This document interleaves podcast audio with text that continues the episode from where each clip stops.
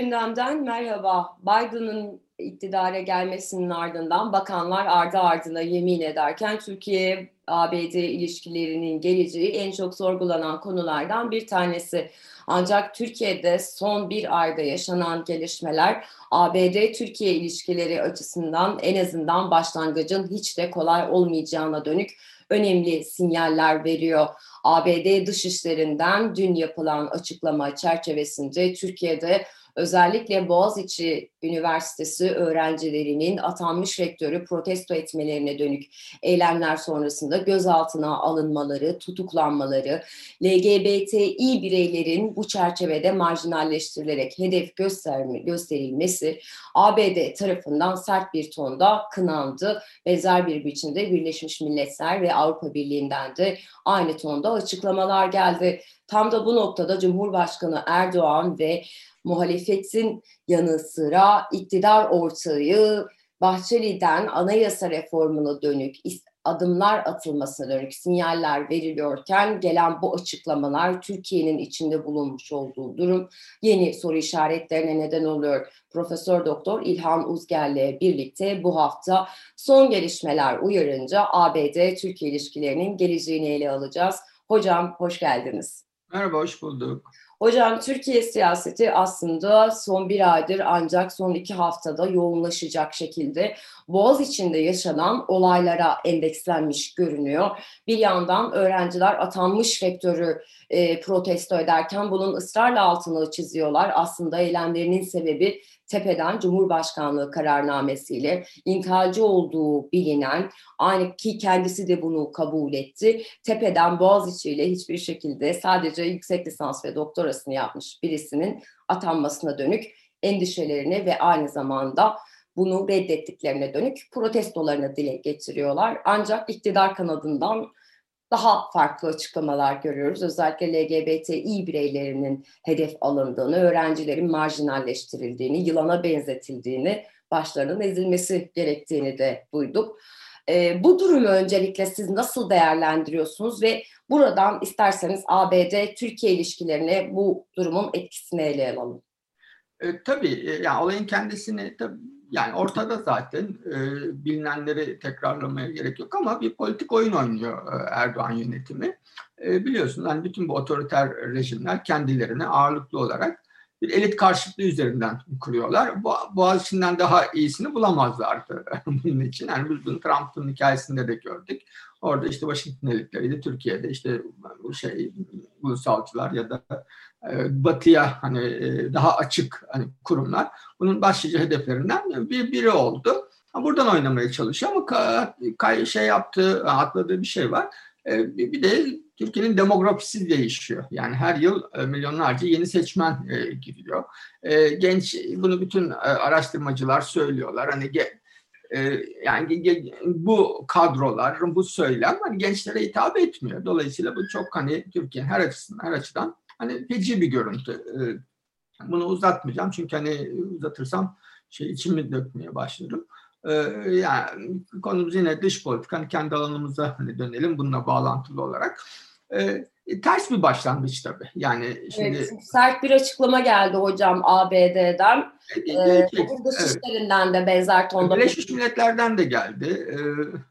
Ee, sonuçta yani ortada bir, bir üniversite kampüsünde yapılan bir protesto var. Hani buna tamam buraya böyle on yüzlerce polisle hani saldırmanın hani bir şey meşruiyeti yok. İşte oraya sniper koyarak bunun vehametini göstermeye çalışıyorsun. Her gösteride mutlaka mutlaka bitmez, tükenmez devlet söylemi. Burada teröristler, teröristler, teröristler. Olmadı hepsi birden terörist.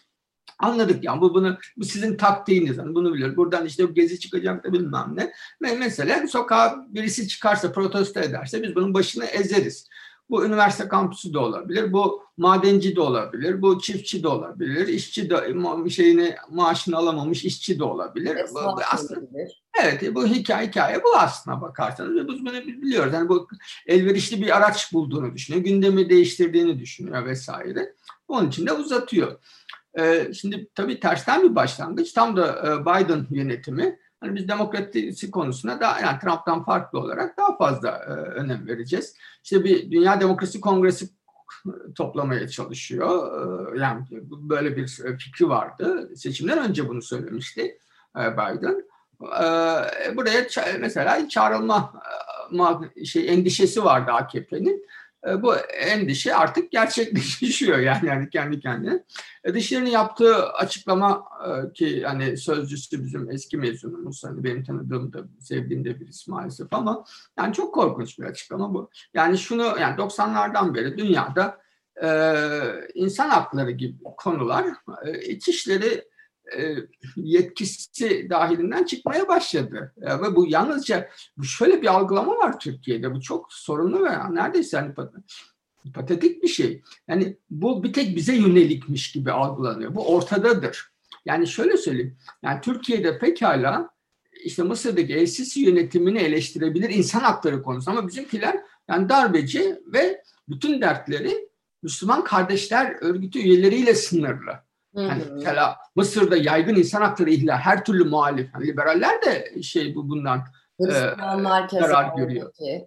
Tabii ki. Dolayısıyla da burada bir insan hakları sorunu var. Sen de Mısır'ın içlerine karışabilirsin bu anlamda tırnak içinde. Sen de Azerbaycan'ın içlerine karışabilirsin. İnsan hakları konusu yani bir yerde bir insana en temel hakları çiğneniyorsa bu artık hani ben egemen bir ülkeyim. E ne yapalım o zaman şey yapalım. Bütün mesela şeyleri öldür yok et. Ömür boyu hapse at. Niye? Ben egemenim ve insan hakları konusunda bana karışamazsınız. Böyle bir dünyada yaşamıyoruz. Bunu sen o zaman Avrupa sisteminden çık. Hani başka bir ülke o, onu kabul et. Biz de bilelim ya. O zaman niye anayasa var falan. Dolayısıyla da hani bu yapılan e, şey olayın kendisi zaten korkunç bir vehamet. Tam AKP döneminin e, şeyi e, tipik artık prototip haline gelmiş uygulaması. Üniversite işte şey seçkin bir üniversite, öğrenci araya Kabe sıkıştır, araya LGBT sıkıştır. Ondan sonra da bunu böyle üzerine tepin. E, ama ondan sonra da te tepki gelince de benim e, egemenlik hakkıma, benim işte içlerime hani karışma. Bu, bu, bu AKP'nin her bir olayda AKP kendi özetini tekrar tekrar hani yapıyor. Ha, bu şey açısından baktığında tabii ki tersten de orada da şunu söylüyordum hep. Batı'yla buna buraya geleceğiz tabii ki. Batı'yla yeni bir pazarlık yapmaya çalışıyor ve benim iddiam şuydu. Bu pazarlığı stratejik alanda verip e, içerideki baskı konusunda elini rahat tutma üzerine kurmaya çalışıyor. Hı hı. Yani ben tekrar Batı sisteminde olurum. Eksi insan hakları. Bunu yapmaya çalışıyor. Diyor ki beni içeride dokunma. Ben bu kurduğum rejimi, bu muhalefet üzerinde kurduğum baskıyı devam ettirmek istiyorum. Buraya dokunma. Ben e, mavi vatandan çekilirim. Yani S-400'de gelin beraber Amerikalılar, uzmanlar gelsinler beraber çalışalım. Yani stratejik alanlarda ödün vermeye çoktan hazır. Yeter ki aman toplum üzerine kurduğu o baskıyı e, dokunmasın, oraya orayı zorlamasınlar. Çünkü Biden yönetiminin bunu zorlayacağı belli artık. Çok çok net. Dolayısıyla da hani bu pazarlığı devam yani AKP bu pazarlığı buradan yapmaya çalışıyor ve umursamıyor da. Yani ya Biden var. Başka konuları umursuyor bakın hani siyasi konuları um, um, umursuyor. Yunanistan ilişkileri umursuyor. NATO amanın nasıl bir NATO'culuk? Yani şeyi e, Çavuşoğlu'nun e, tweetini e, okusak burada işte her yerde birlikte çalışıyoruz. Afganistan'da da birlikte NATO'nun parçasıyız. NATO'ya katkı sağlamaktan mutluyuz falan. Çok NATO'cuymuşsunuz siz. Yani hocam biz öyle bir tweet atsak herhalde şu anda böyle şey tefe konulu. Tabii, tabii muhalefet NATO'dan şey umuyor falan. Hani Gladio'ya kadar gider ucu. Hani evet. Dolayısıyla da hani şeyi biliyor, gördü. Ee, istersen oraya yavaş yavaş hani. Evet hocam lütfen. E, e, girelim. Yani şöyle söyleyeyim, biz bunu söylüyorduk. Hani aklı başında herkes söylüyordu. Yani Türkiye dış politikada bir e, gidebileceği sınırlar hem askeri olarak hem de siyaseten e, dış politika mantığı açısından gideceği yerlere vardı ve bu buradan çıkışı yoktu artık. Yani aynı anda hem Körfez'deki sorunun tarafı, aynı anda hem e, komşularıyla sorunlu, aynı anda hem e, Avrupa hem Amerika cephesiyle e, karşı karşıya geldi. İnanılmaz bir şekilde e, çok büyük bir bloğu hani kendi karşısında o, oluşturdu ve buradan gidecek bir yeri kalmadı. Böyle şey arayış içindeydi. E, Aralık 2019'da ilk defa Avrupa Birliği tarihinde biz Amerika ile ortak hareket edeceğiz dedi mi bu alarm. Hani Biden kazandı. Bütün o şey de gitti. E, Trump e, kozu da düştü. Dolayısıyla şimdi fellik vellik şey arıyor. Biz bu işin içinden nasıl çıkarız? Evet, hocam şöyle AKP döneminde sizin de altını çizdiğiniz gibi biz de keza küresel gündemde sık sık konuşuyorduk. Libya üzerine, Suriye üzerine konuşurken Türkiye'nin güvenliği artık demiştik ki hani Afrika'dan başlıyor. Türkiye'nin güvenliği hani Asya Pasifik'ten başlıyor. Böyle genişletilmiş e, bir e, düzlemden bahsediyorduk. Aynı zamanda şunu da söylemiştiniz siz. Türkiye e, aslında Trump döneminde hem ABD hem AB'yi e, karşısına alabilmeyi başardı. Genelde bu iki aktörden birini oynar diye e, konuşuyorduk ve o şekilde dengeler. Aslında Trump dönemiyle belki Trump'ın bu insan hakları, otoriterleşme, iç politikadaki uygulamaları ya da Trump'ın AB'nin kendisiyle kurmuş olduğu ilişkide işte Amerika odaklı bakış açısı biraz Türkiye'nin nefes alanı sağlıyordu ama Biden yönetimi aynı zamanda transatlantik ilişkilerine dönük de e, ciddi mesajlar verdi. Almanya bunu e, mutlulukla karşıladığını söyledi. Yani bu iki aktör arasındaki ilişkiler mi diyelim, saflar mı diyelim yeniden e, sıklaşacak gibi. Bu durum peki yani Biden yönetimi bunu e, dile getirmişken Türkiye'yi nasıl etkileyecek? Yani Trump sonrasında nasıl bir strateji uygulayacaklar, uygulayabilecekler mi? Dediğim gibi toparlamaya çalışıyor. Mesela şeyi düşün. Hani beyin özürlü Macron'dan sevgili Macron'a geçiverdi. Çünkü yani biz şunu anladık yani sağ siyasetin kendisiyle çelişme, farklı pozisyonlar alma konusunda, yani zıt pozisyonlar alma konusunda bir sıkıntısı yok. Çünkü seçmeni de umursamıyor. Yani ya mesela çıkıp seçmen demiyor ki bir gün ya sen hani bu adam beyin özürlüydü. Hani sen biz Macron hani Fransız mallarını boykot ediyorduk. Ne oldu şimdi? Neden sevgili Macron oldu? Ya da Yunanistan'la neden Doğu Akdeniz'i görüşmeye başladık biz? Oruç Reis hani biz bunları yapmazsak Antalya'da denize giremezdik. Oruç Reis, Reis neden şeyde Antalya Körfezi'nde? Ya bunları bunları mesela seçmen de sormuyor. Zaten bunu soracak bir hani akademik şeyi de yok Erdoğan. Dolayısıyla da hani buradan aslına bakarsan hani ilişkileri bazı alanlarda küçük ödünler vererek e, resetlemeye çalışıyor. Yani sıfırlayıp hani yeni bir sayfa açalım demeye çalışıyor. Avrupa Birliği şöyle bir iş bölümü var. E, sert konuları Amerika'ya bırakıyor yani Türkiye'yi sıkıştırmaya yönelik konuları Avrupa, Amerika'ya bırakıyor. Daha iktisadi araçlarla ya da diplomatik aracıyla e, ilişki kurmaya çalışıyor. Diyor ki hani işin aslında hani kötü pozisyonunu sen oyna e, diyor Amerika'ya Avrupa Birliği ve Amerika'da zaten hani buna Biden yönetimi de buna razı ve böyle oynamak istiyor. Dikkat edersen bir mektup yazıldı. Erdoğan mektup gönderdi ve hala cevap gelmedi. Ee, Dışişleri Bakanı, Türkiye'nin Dışişleri Bakanı'nı aramadı. Ee, yani herkesi arıyorlar, bir, bir şey aramıyorlar. Ee, Şu an üç ülke var. Suudi Arabistan, Birleşik Arap Emirlikleri ve Türkiye. Evet, o bir bekliyorlar telefonun başında. Hani bir gün hani telefon e, gelirse. Meşgul e, falan diye kontrol edin. Bir tek, bir tek e, Ulusal Güvenlik Danışmanı İbrahim Kalın'ı aradı. Onlar konuştular. Dediler ki biz hani askeri stratejik ilişkilerden devam edeceğiz. Orada bile hocam bir tutarsızlık vardı. Yani açıklama konusunda hem fikir olmadılar. Biri başka bir şey söyledi, öbürü başka bir açıklama yaptı. Bu Türkiye-Amerika ilişkilerinde yeni bir trend. Uzun süredir böyle. Kafasına göre yani iç piyasaya, iç kamuoyuna ne duymak istiyorsa onu söylüyor. Şeyden defalarca Amerika'yı yalanladı, yanlışlamadı, yalanladı. Çünkü açık bir şey. Yani biz onu konuşmadık dedi. O kadar çok oldu bu olmazdı mesela. Ama böyle bir derdi de yok. Hani bir herhangi bir konuda yalan söyleme derdi de yok. Nasıl olsa gidiyor. Ver, tabii vermekleri gidiyor nasıl olsa. Dolayısıyla da Amerika'nın yaptığı şey şu. Evet bir reset olabilir. Yani sıfırlama ve yeni sayfa açma mümkün. Ama bu benim terimlerimle olacak. O yüzden de acelesi yok. Bekleti iki tane ihtimal var burada.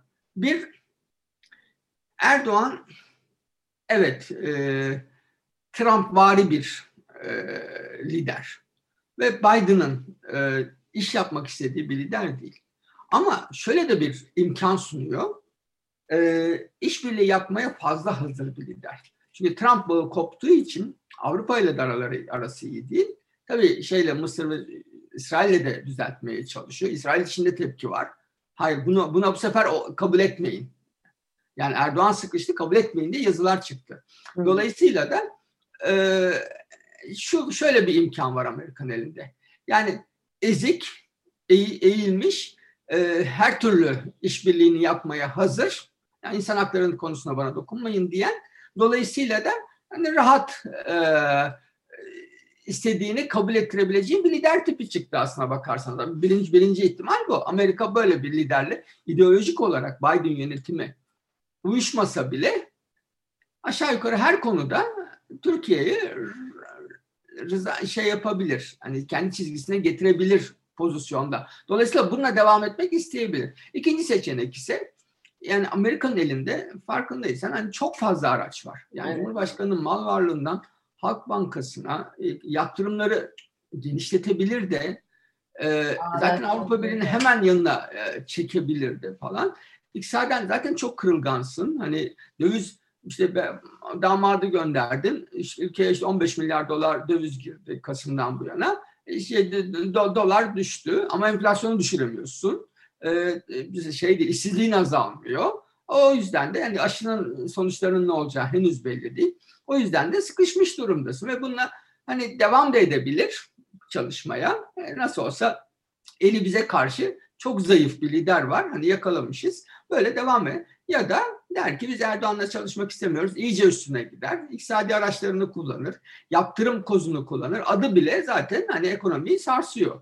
Yani dolayısıyla da hani şey Erdoğan yönetiminin daha fazla köşeye yani demokrasi konferansı yapar, çağırmaz ve birkaç tane dikkat edersen hani Biden yönetimi daha Türkiye ile ilgili son olay yani şu Boğaziçi gösterileri dışında e, şey yapmadı. Herhangi bir e, açıklaması yok. Şey yapıyor. E, bir tür sinir savaşı bekletiyor. Çok özellikle yapılan şeyler bunlar. Yani ben sana açık çek vermiyorum. seni böyle yerinde hani huzursuz bir şekilde hani telefonumu bekle başında bekleyeceksin diyor ve mesela bu bir ay daha sürebilir. Böyle Biden'la şey arasında mesela bir 6 ay görüşmeyebilir Biden. Dışişleri Bakanları bir süre sonra görüşebilir. Kısa bir görüşme olur. Tak tak tak biz şunları istiyoruz derler. Kapatırlar falan. Hani bu, bu, bu tür şeyler olur. İçeriye de şey der. Çok yararlı bir görüşme yaptık Amerikan Dışişleri Bakanı ile şu, şu, şu hususlarda en fikir olduk. Bazı görüş ayrılıklarımız var diye açıklama yaparlar. Ondan sonra Amerika'dan karşı açıklama gelir. Hayır görüş ayrı, görüş birliğimiz yok bu çok konuda falan diye açıklama gelir. Böyle yapıyorlar. Dolayısıyla da bu sıkışıklığı henüz aşamadı ve pazarlığı bir Türkiye Cumhuriyeti hükümeti pazarlığı en kötü yerden yapıyor. Yani ben içeride otoriterliği devam ettireyim bana lütfen dokunmayın. Yani Sisi pazarlığı yapıyor. Suudi Arabistan pazarlığı yapıyor. Ben buna bana dokunmayın. Ben e, içeride istediğim gibi şey muhalif kesimleri baskı altında tutayım. E, başka alanlarda gelin biz Amerika ile beraber NATO'da hani iş yapalım birlikte diyor. Bu, bu da çok hakikaten çok üzücü bir şey. Geldiğimiz noktada hani maalesef e, yani soyluların bir Türkiye'si aslına bakarsın. Yani bu bu zihniyeti MHP'nin e, Türkiye'si AKP iktidarı böyle gelmemişti. Yani evet. işte yolsuzluk yasaklar ve e, yoksulluğu e, bitireceğim. Demokrasi sözü vererek gelmişti. Yani bizim geldiğimiz e, ileri demokrasiye götürecekti Türkiye'yi. Yani geldiğimiz nokta itibariyle e, hakikaten hani ülkemiz adına e, özellikle genç e, kesimler adına e, hüzün verici doğrusunu istersen. Evet. Çok teşekkür ederim hocam. Ee, önemli bir toparlama oldu. Özellikle sondaki söyledikleriniz. Benim de dikkatimi çekti Boğaziçi e, gösterileri sırasında bir e, kadın şey demişti bu çocuklar gidiyorlar. Siz böyle yapıyorsunuz. Bu çocuklar da gidecekler artık bu ülkeden diye ciddi bir beyin göçü var. Ee, özellikle Boğaziçi öğrencilerine yaşatılandan, bunu gören öğrencilerin e, Türkiye'de kalmak için gittikçe sebepleri azalıyormuş gibi görünüyor. E, dış politika konusunda da dediğiniz gibi herhalde buna cevaz verme adına girişimler sürecek gibi görünüyor. Teşekkürler tekrar güzel bir e, toparlama oldu. Profesör Doktor İlhan Uzger'le birlikte bu hafta hem Türkiye iç siyasetinde yaşanan son gelişmeleri, Boğaziçi Üniversitesi'ne ve öğrencilerine yaşatılanları, bunun Türkiye'nin dış politikasına etkisini, özellikle ABD-Türkiye ilişkilerine yansımalarını, Türkiye'nin aslında buradan nasıl bir mesaj vereceğini, ABD'nin burada alacağı tutumu ele almaya çalıştık. Bizi dinlediğiniz ve izlediğiniz için çok teşekkür ederiz. Hoşçakalın.